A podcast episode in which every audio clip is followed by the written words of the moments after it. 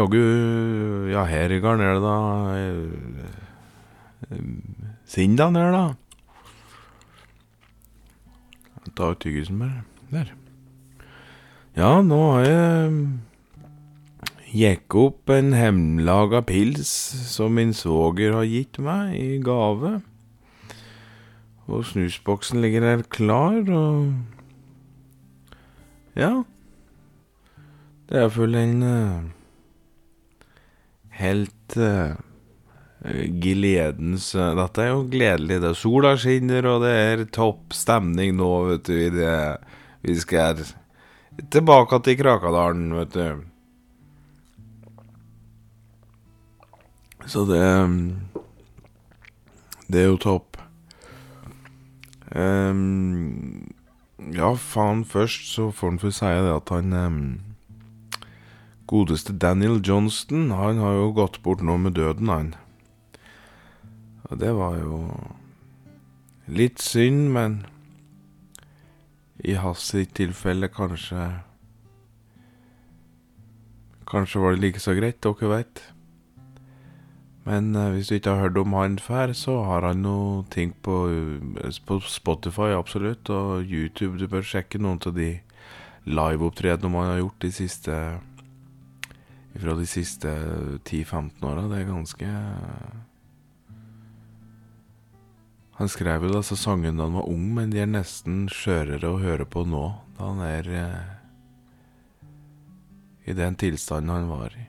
Men han var Men det, det Ja, det betyr like mye, og det Ja, utrolig flink. Tekstmessig er han jo helt fantastisk, så det anbefales. Men vi er ikke her for å preke om en Daniel Johnston. Vi er her i dag samlet enn etter alle for å preke om Harley Dagfinn Davidsen. Født 1827. Strøk med 1871 i en alder av 44 år. Ja. Harley Dagfinn, han Å, oh, unnskyld. Harley Dagfinn har uh, nå har jeg en artig dag, merker jeg. Harley Dagfinn Davidsen. Det var vel en uh, stakkar av en gubbefant som fikk en ganske trå start på livet. Det, er da mor hans strøyk med når det han ble født. Så han vokste da opp med sin far Finn senior og sin bror Finn junior. Eh, men Finn junior han ble bare kalt Fittefinn, for han var så fæl med damen i den stunda han levde. Og så syns en far senior at en Finn junior var en stut, så han gjorde som folk og kalte òg gutten sin for Fittefinn. Og det gjorde han full da ifra Fittefinn var åtte år gammel, tenker jeg. Så Uh, og hesten selve starten på livet til Harley Dagfinn var, det, det veit ingen, tror jeg. Men ryktet sier i hvert fall at det var harde kår, ettersom far overlot unga mye til seg sjæl mens han var ute og jakte på bevere og grevling. Og for det hans levebrød, det var å selge bever- og grevlingpels til svenske bohemer i Borangen, faktisk. Og på småbruket sitt så hadde de både gris og hest. og tre kuer uh, og en adoptert hjort som faktisk var kav gæren.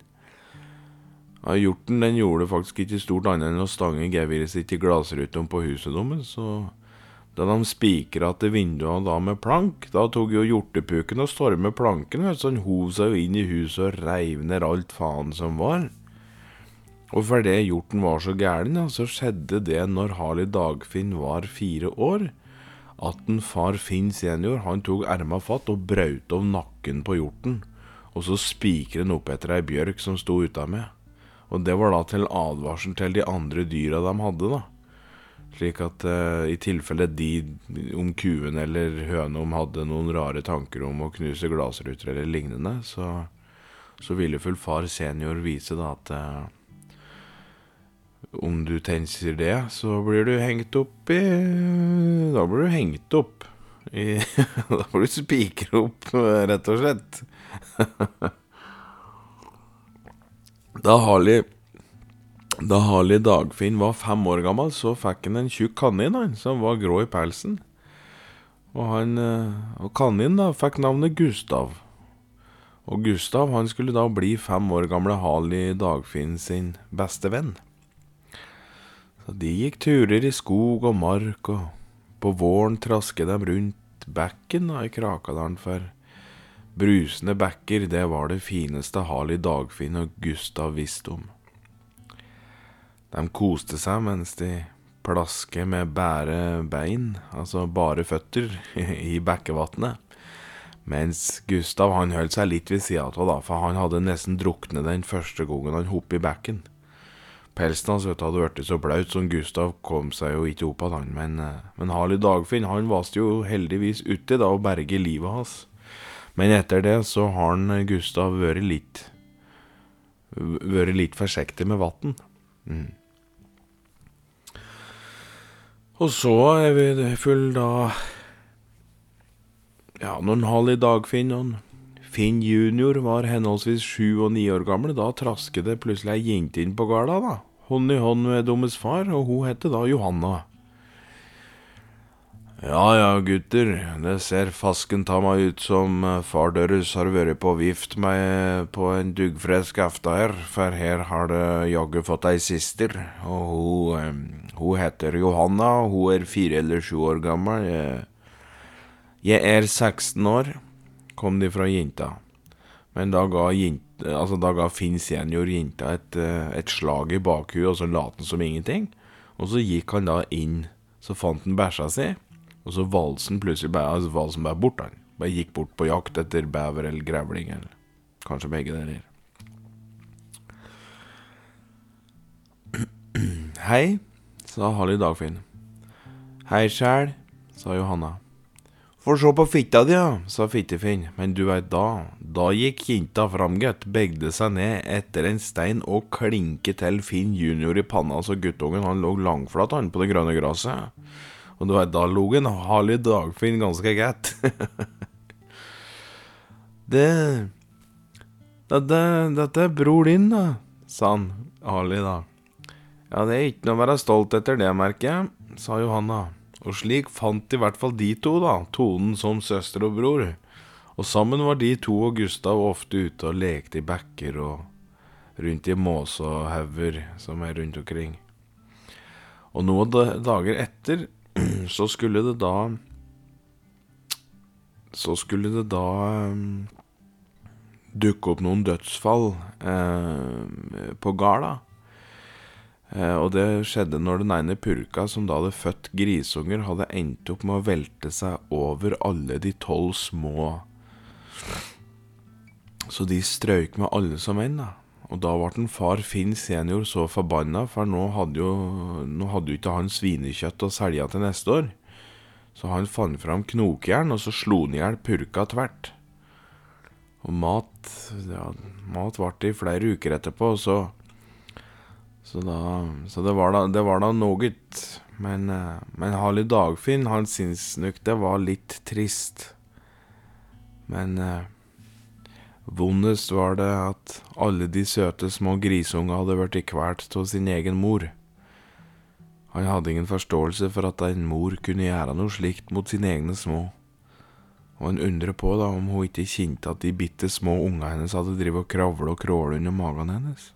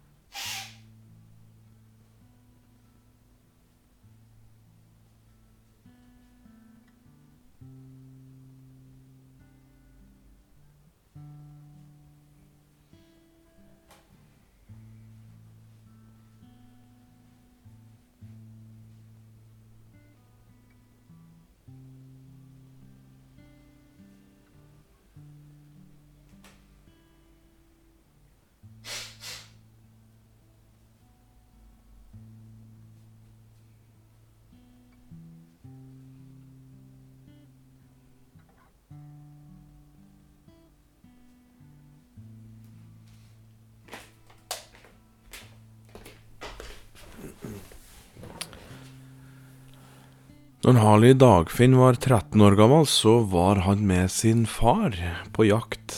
Dette var da en maidag i 1836. Bjørka sto i brudeslør, og setra var helt hvit og hvitveis. Og midt oppi det hele så tramper far Finn senior hvitveis som flatt til bakken.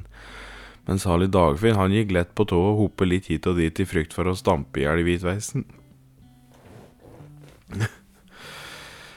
Um, de var nemlig da på vei til brunna de hadde. Uh, de skulle hente vann, da, vet du. Og det var lite snø denne vinteren, så brunna den uh, var bare halvfull. Og far Finn senior han var nervøs for hesten sommeren skulle gå, da, om det var slik at de ikke hadde vann. Og da de kom fram til brunnen, da tjoren far og Harley Dagfinn fast tau til bøtter og så fylte de opp fire bøtter vann, men da den fjerde bøtta skulle heises opp, så syntes Harley Dagfinn at far hans luftet så gæli eh, vondt, da. Så han tenkte han skulle være litt morsom, og så skulle han liksom overraske far sin litt med en liten vesk. Så han tok da og dytte far sin nedi, uh, nedi brunnen. Og dessverre for Finn, og dessverre òg for Harley Dagfinn, så får han si, så var jo brunnen nesten tom, da. Så far han deise med Hugo først og knakk nakken, og i, i brunna der lå en far Finn senior stein død, han. En Harley Dagfinn han sto over brunnen, og han sto lenge òg, vet du, og hoie på far sin og ba han om å slutte å tulle. Pappa, Pappa, slutt nå, vi må gå videre. Du er ikke noe morsom, og det har du faen aldri vært heller. Hoien har i Dagfinn. Men far, han var død, han. Så når Harley Dagfinn skjønte dette, da, ja, da, da la Da la han tredæra over brunnhælet, og så la han den tyngste steinen han kunne finne over dæra, slik at ingen skulle kunne se oppi. Og Harley Dagfinn han turte ikke å si noe som helst til sine søsken som satt hjemme og ventet heller. En eh, fatter'n, undrer Finn på. Eh, han var borte i skogen, han fikk eh, Han fikk eh, los på en mår borte ved Vrangsnipa, sa Harley Dagfinn, og så satte han ifra seg graut, nei, bøtta med vann, da. eh, og så kastet han oppi litt vann i ansiktet, slik at de ikke skulle se at han grein, så det bare skulle se ut som han var svett. Los på en mår, undrer Johanna på. Japp, japp, en diger mår, var nesten 15 kilo. 15 kilo? Ja, ja, 15 kilo og sjeløyd. For han sprang Han sprang en sikksakk og hadde dårlig tid. Sjeløyd, undrer Johanna på og, brysker litt øyenbryna fram. Japp. Mm. 15 kilo sjeløyd, og så var han, han var tannløs. Han hadde glemt å være hos tannlegen, hørte jeg han sa skreik, da. Uh, han skreik det til fattern når fattern drev og sprang etter. Og så fattern, han måtte være forsiktig med munnen hans om han skulle, om han skulle ta livet av han, for han hadde, uh, han hadde kanskje hatt én eller tre tenner, men de var det hæl i, så han ønsket ikke å ha vondt i munnen, da, om han skulle drepes, for han, for han, for han hadde alltid hatet munndoktorer, og det sa han i hvert fall. Um, men du veit, mårer, de er noen dårer, så det, det kan ha vært ljug òg. Det kan ha vært ljug òg, sa Harley Dagfinn, og så prøvde han seg på en litt lett latter. og begge søsknene hans, de satt og glana lenge på han, da. Oppe ved Oppe ved vrangsnipa, sa du? undrer fint på. Jepp. Mm. Borte ved vrangsnipa, så, så sprang han videre mot mot Dritoagreina og over mot Ølteberget, der skogen går på langs og ikke på tvers. Mm. Jeg hørte at han skreik at han kom att den måneden da hjorten, da hjorten feller gevir. Så det blir for rundt juletid, det da, antar jeg, svarer Harley litt kjapt. Han sprang helt over til Ølteberget for å jage en mår med to bøtter vann på slep. Og så var det ikke sikkert han fikk has på måren slik at han kanskje ikke kom hjem igjen før jul.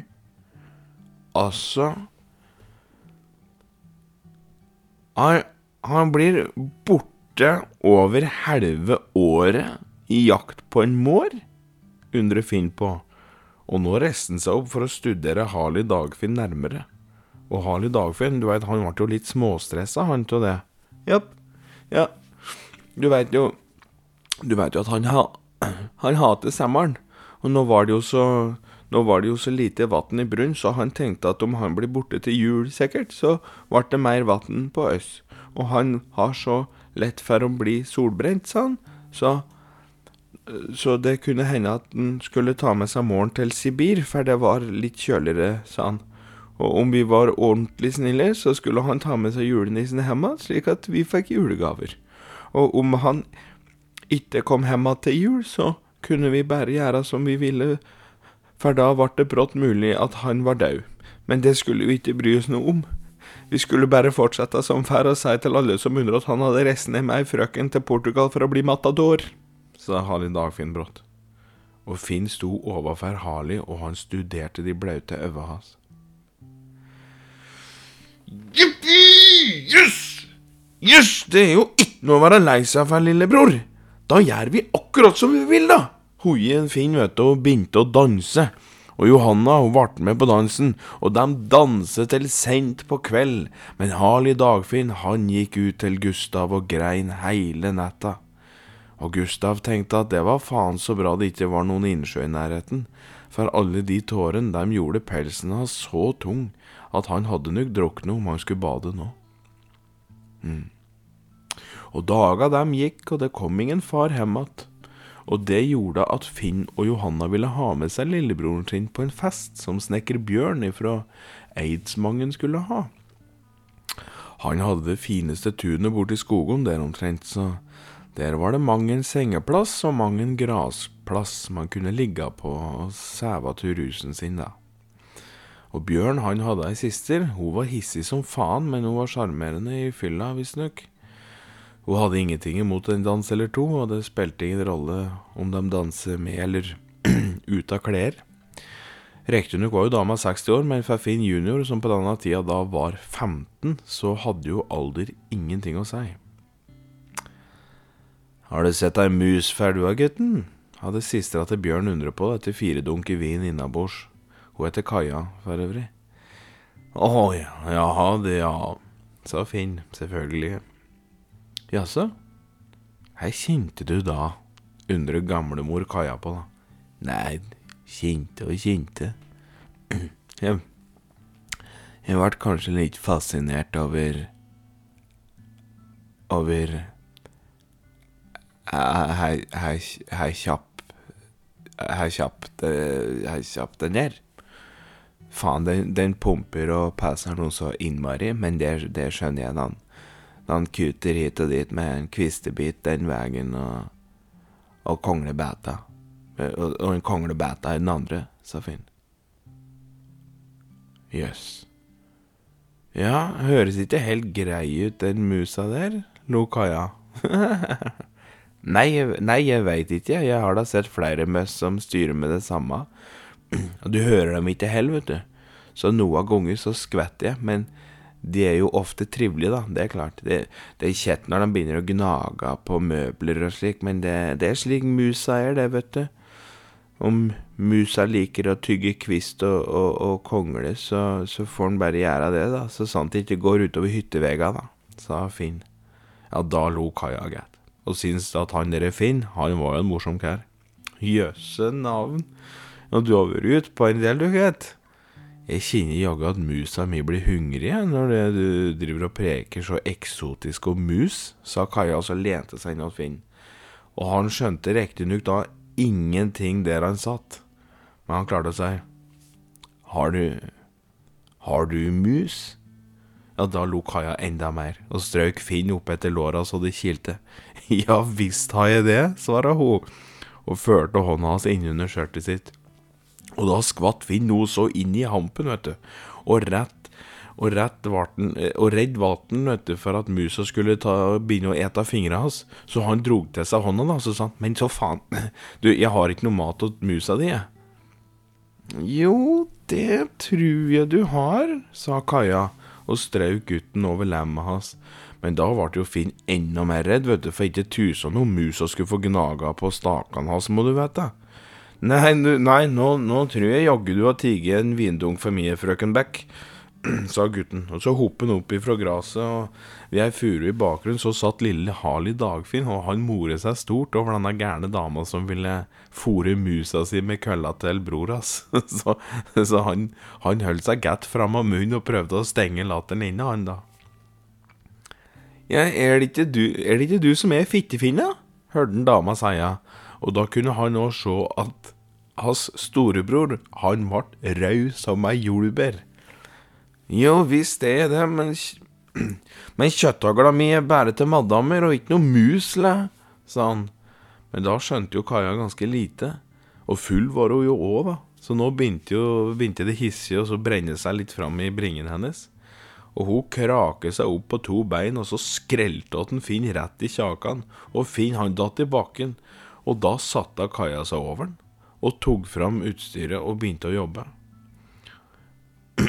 og ja, du skjønner jeg mener når jeg sier utstyret.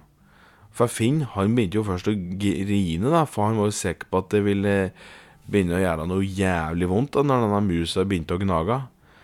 Men det var nok ei kinsle da av ei anna mus, som han var litt mer kjent med, da, som uh, begynte å gnage i stedet, om jeg kan si det slik. og da og da begynte Fittefinn å bære le over at han hadde vært så dum. Og en Harley Dagfinn, han satt på samme plassen og gjemte øva sine bak håndflata, men du veit, han klarte ikke å slutte å lure til seg noe blikk heller, for det var noe rart med dette her å se bror sin med ei dame som var atskillig eldre enn en, til og med far deres, drive og sitte og drive og kysse på en eh, storebror. Og plutselig så var det noen da som drog tak i ermet hans og drog hun med seg bort, og det var da Johanna. Og hun, altså, hun hadde jo ikke lyst til at lillebror Dagfinn skulle sitte der og se på noe så grisete og fælt. så, og dessverre Dessverre så skulle dette være det siste glimtet han fikk se av sin bror. For seinere den kvelden så hadde mannen til Kaja kommet ut ifra badstua. Altså kommet ut ifra badstuas bjørn, da. Og han fant dem begge to i full vigør, vet du, og da sprang han inn i huset til Bjørn og fant hagla hans. Gikk strakt bort til Finn og skjøt den der den lå. Og så skjøt han kjerringa si like etterpå, før han da skjøt seg sjæl. Rett og slett. Sørgemarsjen til Fittefinn, den varte og den rakk. Guttungen han ble jo ikke gammel, men han hadde jo hatt lidenskaper med nesten halvparten av damene i bygda fra 17 til 70. Altså års, året på de damene han hadde kosa seg med. Kosa seg med. Og du veit, til og med Kattom drev og skreik og trompe rundt i sorg. For Finn og Kattom de hadde hatt konkurranser da, om åkken som var kærom til å ligge med flest i løpet av natta, eller diverse netter. Og det var ei katte da, som heter Braut Elin. Hun hadde rekorden, da. For hun hadde dundra på 27 hannkatter i løpet av en natt. En fittefinn, han hadde bare klart å ligge med 22. Damer, altså, ikke katter. Sånn Harley Dagfinn og Og Johanna, de sto i kondolansekø og skjønte ingenting til at det var så mange som kom. Og lite visste jo dem om selve grunnen til at alle kom. Liksom, der kom Ja, det kom jo Grete da ifra Hovelsåsen, Vigdis og Bryndis ifra Mølteberget, Hildur, Ella, Gudrun og Klara ifra Flisa, Karin, Nina, Lina, Beate, Trude, Liv, Erika, Stine, Mari og Henriette ifra Kongsvinger, Hanna, Hanne, Hanne Marie, Anne Margrete, Fredrikke, Sylvi Vrengpest og Dina ifra et stelle som heter Jessheim. Dem kom, og gud veit nå her mange are. Du veit, de kom ifra Skjåk og ifra Ålesund, Dovre og Kristiansand. Ja, altså, det var Det var altså et enormt oppmøte av damer i Krakadalen som kom denne dagen og kastet blomster over Fittefins grav. Alle single gubber i bygda de sto som heltente ljus vet du, ved skiggeren og ventet på at de ikke hadde hatt flere tårer, slik at de kunne gå bort da i disse sårbare tider og by dem på en dram. Harley, Finn, Harley Dagfinn og, og, og Johanna de glemte jo nesten å sørge. For de sto jo bare og undret på åkken i alle dager disse damene her var. Jeg, jeg, jeg visste ikke at fikk at Unnskyld. Jeg visste ikke at Finn jobber i bank, sa Harley Finn, Dagfinn. Ja, men Finn jobber for tusen ikke i bank, smalt ifra Johanna. Å nei, nei, nei, men hvordan kan du forklare at han har råket på så mange folk som har alle så forskjellig språk da? svarer Harley tilbake. Ja, men hvordan i helvete skulle han ha møtt alle disse her om han jobber i banka? Ja, for alle i hele landet trenger en bank å sette penger i. Ja, men da reiser du da full for faen ikke hit for å sette inn pengene dine. Ja, tenk hvis det ikke fins andre banker enn her, da. Ja, men det fins jo banker over hele landet. Har du lest avisen i det siste, du, eller? undrer Harley på. Nei, svarer Johanna. Nei, så for alt vi veit, så kan alle are banker ha brent ned, svarer Harley Dagfinn. Oi svarer Harley Dagfinn hoverende, da, og så skulle han til å gå, men da holdt Johanna 18 da, i skjortekragen, og så ga hun han en liten ørefik, så det låt en smekklyd over hele skogen. Det var signalet vårt, gutter, sa gamle Ingvar, og da dro han fram spritflaska si, og så valsen bort til damen. Dette var riktignok ikke noe signal, egentlig, men du veit En hører det en vil høre.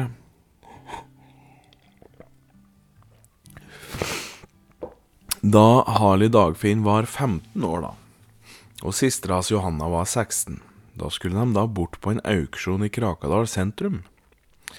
Det var nemlig slik at den dagen så skulle det selges både griser, garnnøster, kurver og duker.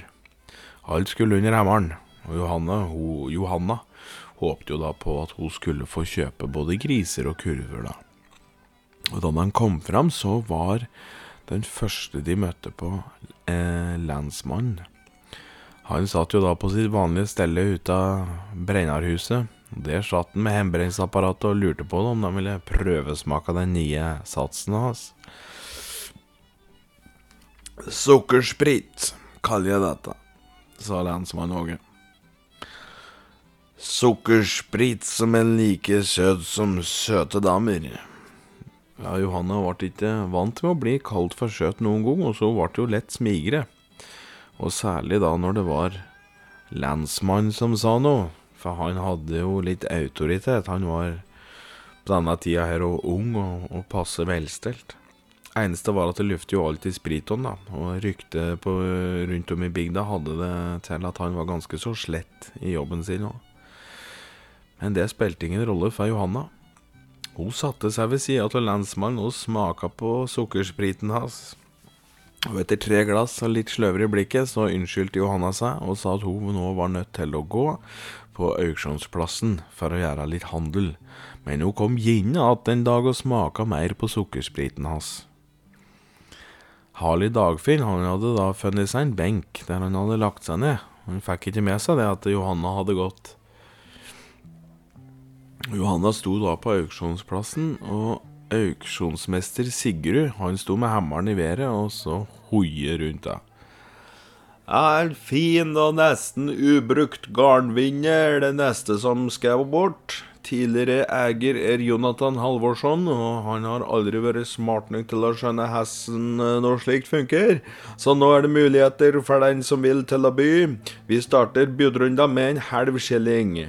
Og så ljomer rundt i folkemengda. En halv skilling, tre kvart skilling, en og en halv skilling, fire skilling. Så ikke sant, så hoier auksjonsmester Sigrud. Fire skillinger budt, ingen som byr over. En eh, frekk garnvinne laget av bøktre. Noen som byr åtte skilling, så får de med et hespetre. Ti skilling! smalt ifra en smed da, som var så full at fruen hans klarte å lure han til å hoie litt. Solgt for ti skillings. Smalt det da like kjapt ifra auksjonsmester Sigrud, for han skjønte at nå, var det, nå hadde han gjort god butikk for hans sin del. Og Johanna, ja, hun sto tålmodig og ventet på griser og kurv. Men auksjonen den ble brått avbrutt av at Killer Kjell nok en gang hadde prøvd å stjele hester. Killer Kjell han var på full fart forbi Johanna, men hun stakk fram beinet, så Killer Kjell han snubla og datt ned i bakken. Krakadalsfolket de hov seg over den, og så kom lensmann Åge, dritings og fæl, sa «Jeg, jeg, kill ikke, nå er det jaggu Nå er det jaggu slutt på Nå er det jaggu slutt på deg og de kjeltringsdrengene dine. I dag, i dag, nå har jeg faen skjæra meg for nukk, Kjell. Nå skal du Nå, nå skal jaggu henge deg. Nå henger jeg deg opp, sa Sa Sa Åge, da. Det var ingen riktignok av folket som jubla over dette. Altså, De syns faktisk dette her egentlig var egentlig ganske brutalt. Kanskje litt på kanten Litt på kanten. Killy Kjell, han var jo Han var jo nesten den eneste kjeltringen de hadde i bygda. Altså en slik ordentlig kjeltring, da. Men du veit, han Når han ikke sto i beita, så var jo Killy Kjell en av de snilleste kærene som var i Krakadalen.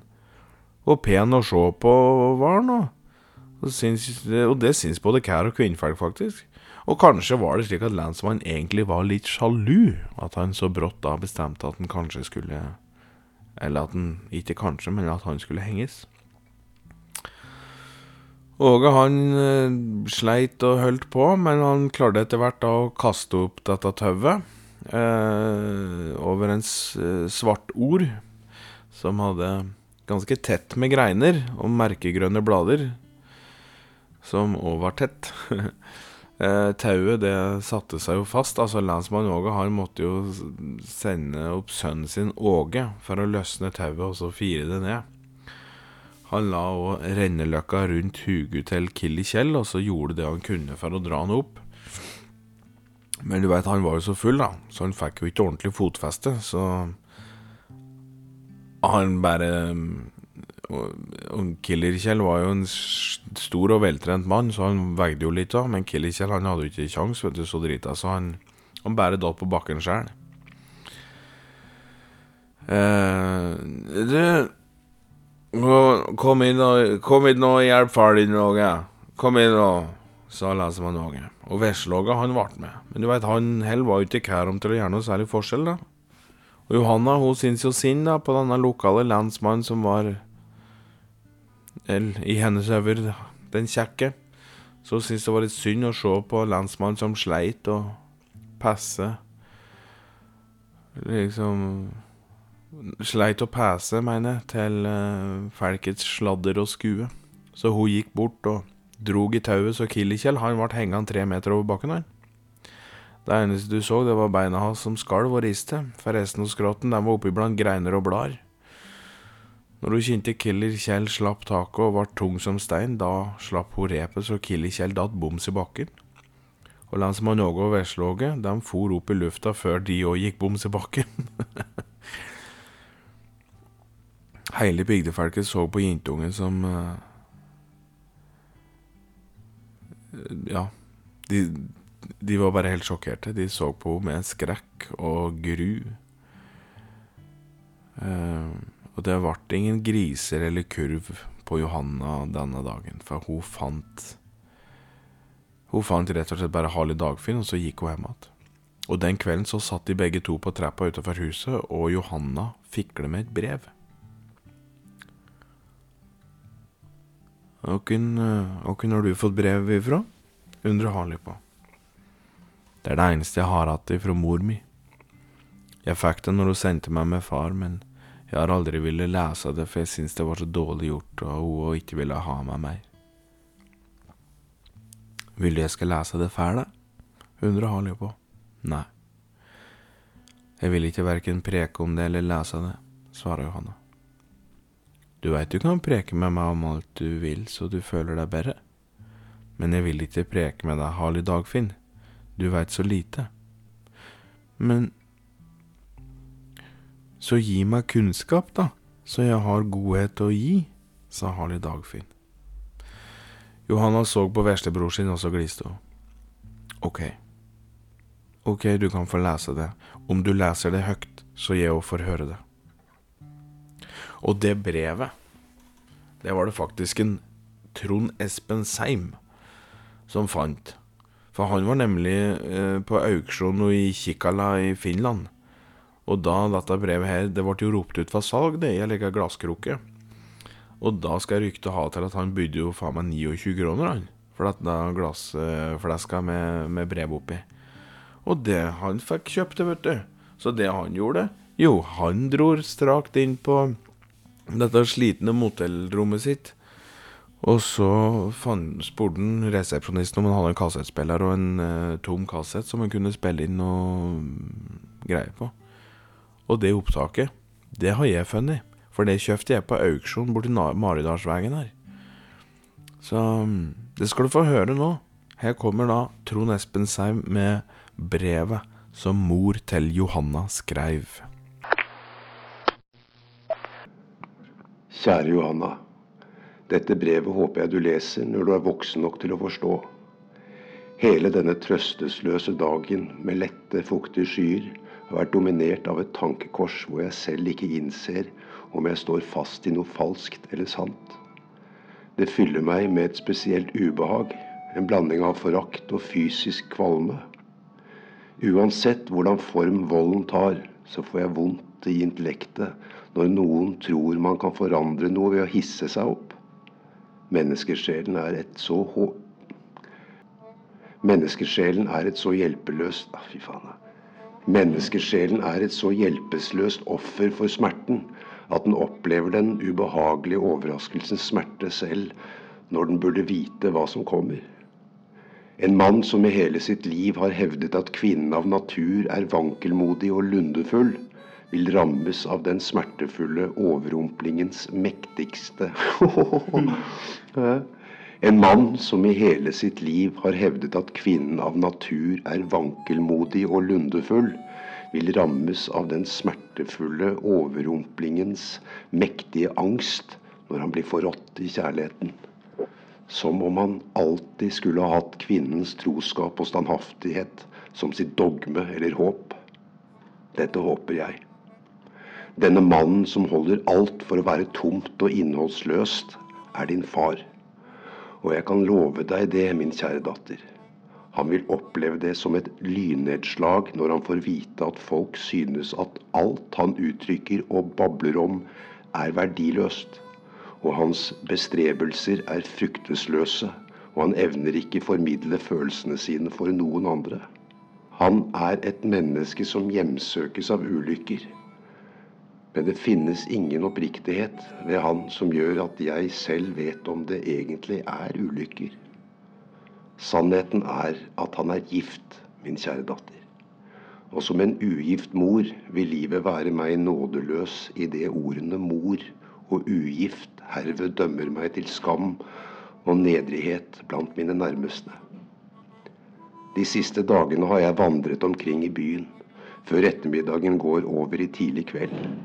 Når byen omskapes i det døende lysets dunkle skygger da har jeg ruslet omkring uten å tenke. Som om alt var avgjort og intet noe å gjøre med. Jeg nyter dessverre vemodet som brer seg ut i meg, og jeg prøver fraværende å tenke ut ideer som aldri blir forløst. Så derfor måtte det bli sånn, mitt vakre barn, at jeg etterlater deg her blant røvere og drankere, i et diffust og falskt håp om at din framtid vil være bedre stilt uten meg.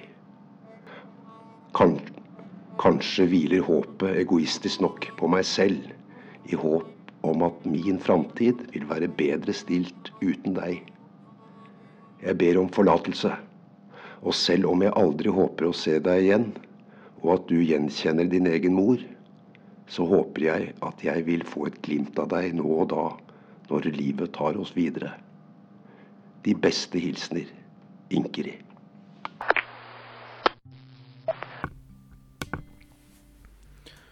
Ja, tenk det. Det var Det får en tru ga mange svar for Johanna sin del. ja, ja. Etter at brevet var lest opp fra Harley Dagfinn, i hvert fall eh, Så var det ganske tyst ganske lenge. Det var ingen som hadde behov for å si noe. De tenkte tilbake på sin bror, sin far, og begge tenkte nok litt på hver sin mor òg. Selv om Harley Dagfinn ikke visste hvordan hans mor så ut, så antok han at hun så litt ut som Finn junior, ettersom han på ingen måte lignet da på Dummes far. Han prøvde å se Finn for seg med langt og gyllent hår, mjuk hud og, og med brøster, men de tankebildene om det De ble så spesielle etter hvert, så han klappet seg sjøl i trynet tre ganger og sa Brenn bort! Brenn bort, svi bort, brenn bort, brenn bort, svi bort, riv bort, skrik bort. Å, fy faen! Ah! Uff. Oh. Brenn bort, brenn bort, svi bort, riv bort, skrik bort, brenn bort, svi bort, riv bort, skrik bort. Oh. Uh. Og så ble det ganske lenge rolig. Og Harley satt fortsatt med tapptatt, han hadde jo tapptatt av øva sine, så han lå, satt jo fortsatt med blinde øyne. Mens Johanna hun så jo da med store øyne bort på sin bror, og så sa Så sa etter hvert Harley Dagfinn da Åh, og jaggu gatt de bildene ble borte, for det var nesten så øynene mine begynte å blø. Og så lo de litt begge to, da, før før det på ny la seg en slags stillhet mellom dem. Jeg drepte Killer-Kjell i stad, sa Johanna mens hun glana i raset. Jeg drepte far vår for noen år tilbake, sa Harley Dagfinn mens han så opp mot himmelen. Og da satt de resten av kvelden i stillhet og glane på stjernene helt til sola sto opp. Vi får få gå og legge oss, sa Johanna når sola sto opp i øst, som den alltid er. De reiste seg opp og la seg i sengene sine som sto på hver side av det store rommet i huset, så de begge lå under hvert sitt vindu. Uh, ikke sant? Jeg prøvde bare å se for meg rommet her nå, for det var jo et stort rom, de hadde senger og de la senga om innunder et vindu, hvert sitt vindu, på hver sin side av rommet.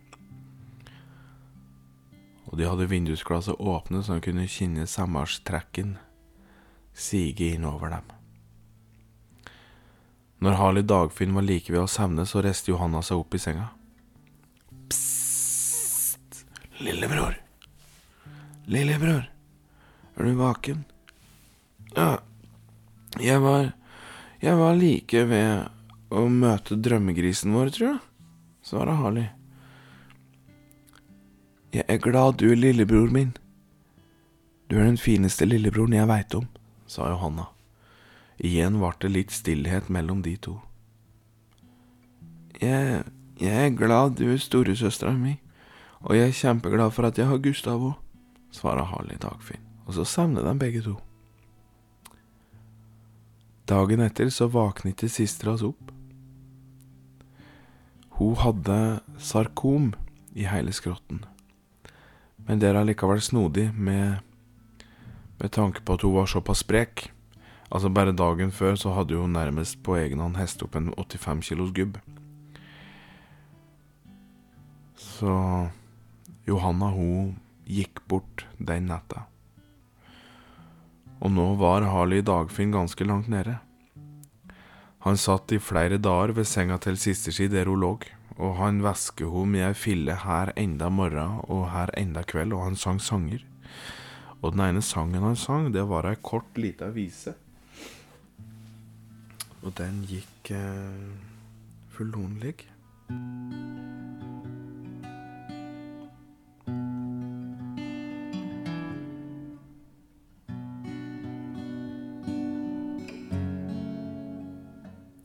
Nei, gjør ikke det. Jeg, som sagt, jeg har ikke lært meg noen nye greier.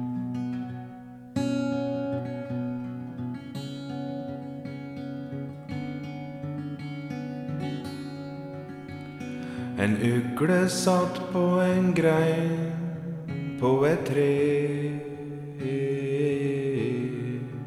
Den hadde vinger, og den datt ikke ned. Hun speidermarka etter litt mat, for den var sulten og nesten flat.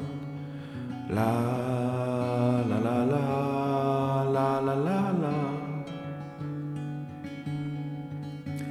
Ei spissmus lu- lusker blant gras, den hadde ikke tid til kjas. Og fant ei tyttebære så rød og så god. Hun tok den i munnen, og så tok hun og lo. La, la, la, la, la, la.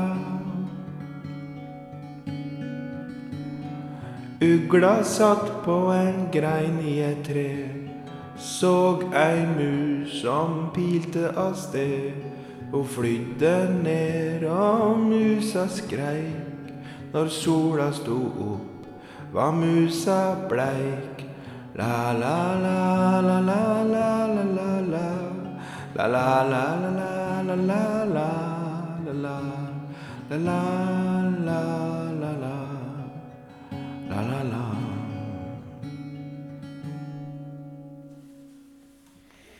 Ja Ikke sant. Og etter nesten sju dager Først da begynte det å Eller da var det noen som banket på dæra til Harley Dagfinn. Og han åpnet dæra opp, og ut ur huset så velte det jo ut en dødsstank som eh, er vanskelig å forestille seg. Og det var da eh, lensmann Åge som sto ute av dæra, og møtte da en radmager og bleik 15-åring i dæra. Hva lurer du på? Undrer Harley Dagfinn på. Unnskyld, unnskyld. Er alt bra? svarer lensmann Hage. Her er det du lurer på? gjentok Harley. Nei, det er ikke meningen å Det er ikke meningen å trenge meg på. Det ser ut som du har mye å stri med, men jeg skulle gjerne bare få si et par ord, ord til din søster. Du skjønner, jeg, jeg var nok litt litt brå på auksjon. Fikk, og så fikk jeg kanskje med om på noe som var litt smådumt, kan man si. Ja. Så jeg skulle så gjerne få si unnskyld for at hun måtte henge opp en uh, killer, killer Kjell. Du vet, han var jo Han var jo Han var jo en likende kær, egentlig. Og det det var nok litt i det dummeste laget for meg, det å skulle henge en. Men verre var det kanskje at jeg fikk sister til å hjelpe meg. Uten at jeg egentlig Uten at jeg egentlig Uten at jeg egentlig ba om det, men Verre det Det, det Jeg vil bare si unnskyld, da. Og høre om det gikk bra med henne, sa lensmannen. Hun døde dagen etter, svarer Harley Dagfinn med, med gråten i halsen. Og lensmann Åge, han sto nå bare og måpte. Hvis du vil eh, Hvis du vil, så kan du gå inn og hente henne. Jeg har vasket henne rein så hun er klar til å senkes i jorda sammen med mor og far og bror. Lensmannen, han sa ingenting. Han bare omfavna Harley Dagfinn og lot den grine tur seg alt den måtte erke.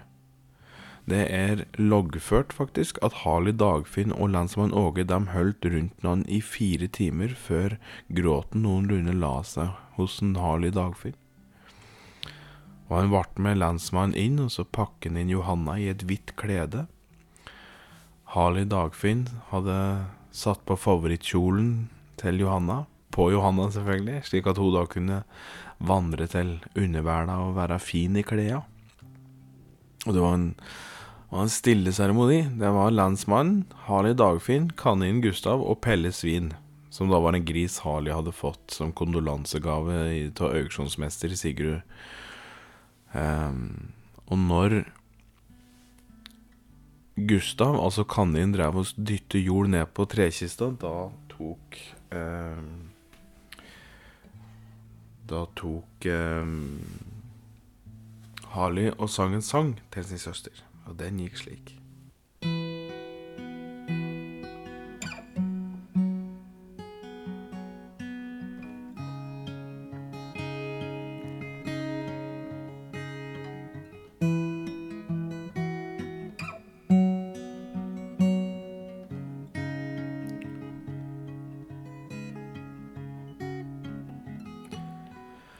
Kjære søster, du var god. Du og jeg gjorde tull og lo. Vi preker om fisk, og vi preker om regn. Vi så opp mot himmelen etter stjernetegn. Du danset så lett og smilte tett.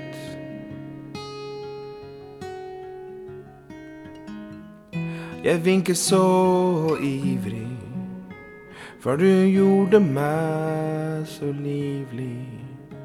Så tusen takk, kjære søster mi, for at jeg fikk være din bror i all denne tid.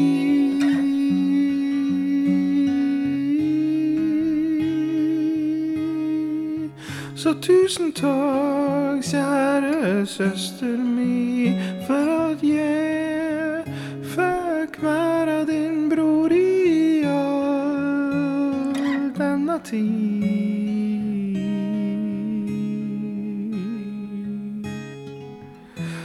Min kjære søster, du var god. Du og jeg gjorde tull og lo. Vi preker om fisk, og vi preker om regn. Vi så opp mot himmelen etter stjernetegn. Du danset så lett og smilte så tett. Jeg vinket så ivrig, og du gjorde meg livlig, så tusen takk, kjære søster mi. Så tusen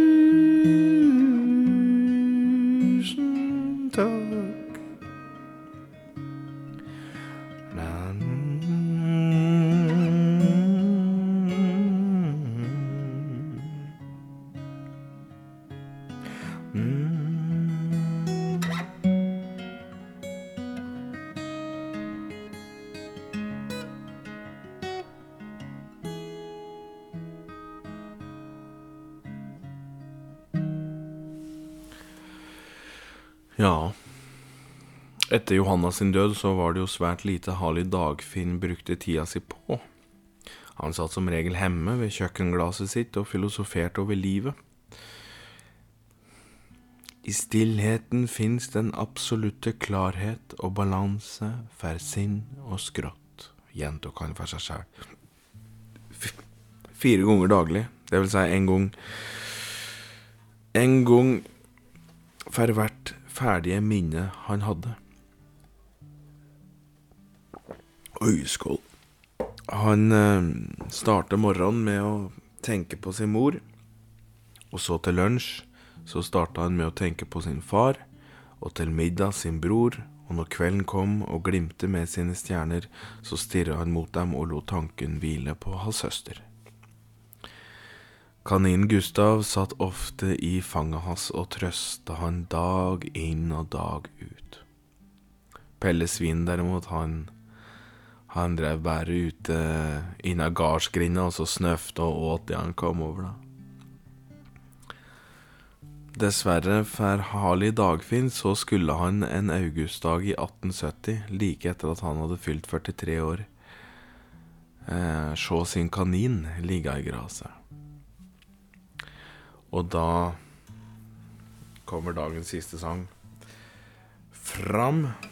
Denne skrev han da eh, eh, Når han fant sin kanin Gustav død.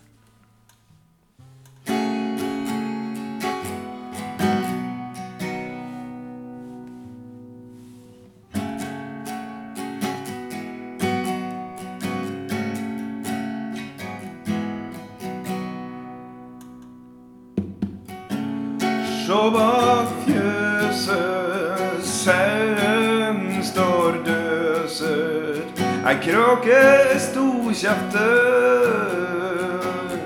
hun har gjemt seg på leftet.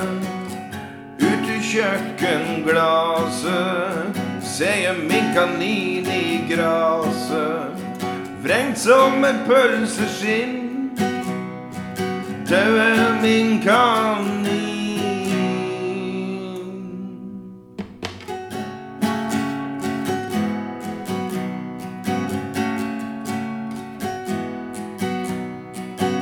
Jeg tørker blaute øver. Alle rundt meg bærer døver. Først min far, og så min mor. Så min søster, og så min bror. Jeg legger meg ned ved min kanin. La seg jorde og pelle svin. Sammen så trøster vi navn.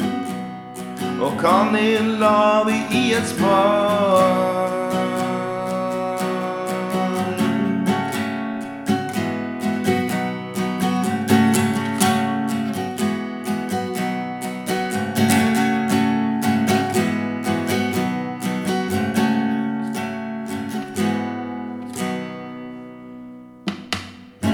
Jeg lager hvilestelle, pelle svinet med og graver.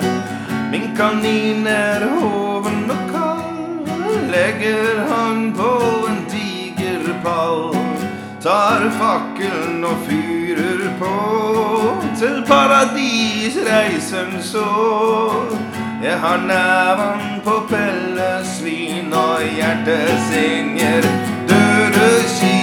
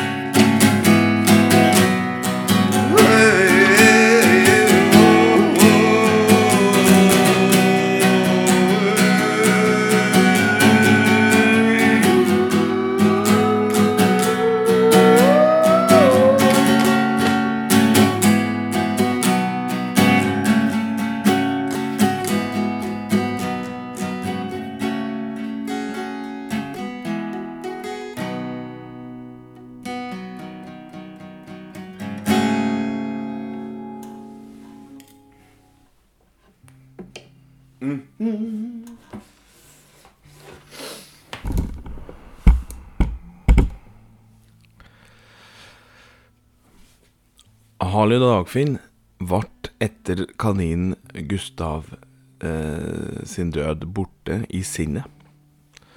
Han eh, datt ned i en så djup sorg at uansett hva Pelle Svin gjorde, så var det ingen mulighet for at han hente For han å hente tilbake gode, gamle Harley Finn Dagfinn Davidsen, da.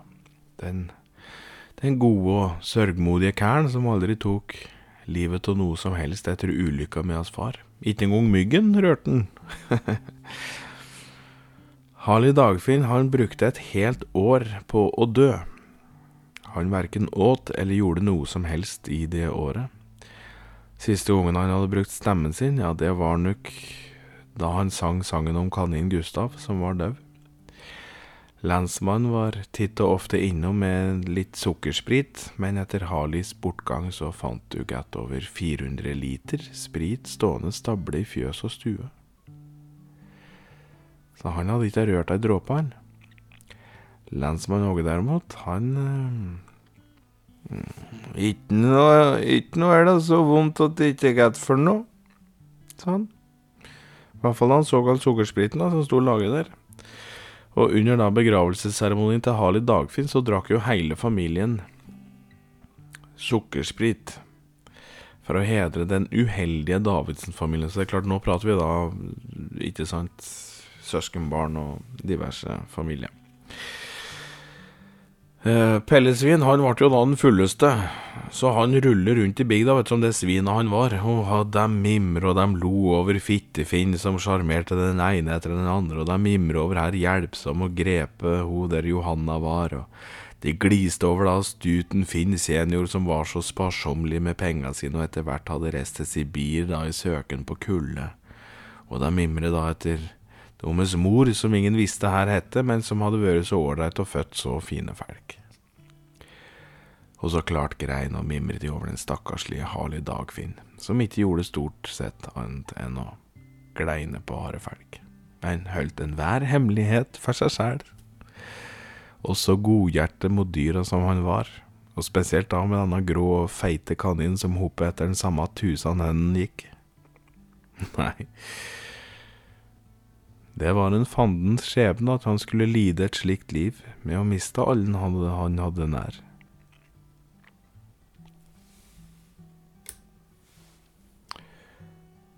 Til neste gang, gassfolk. Takk for i dag.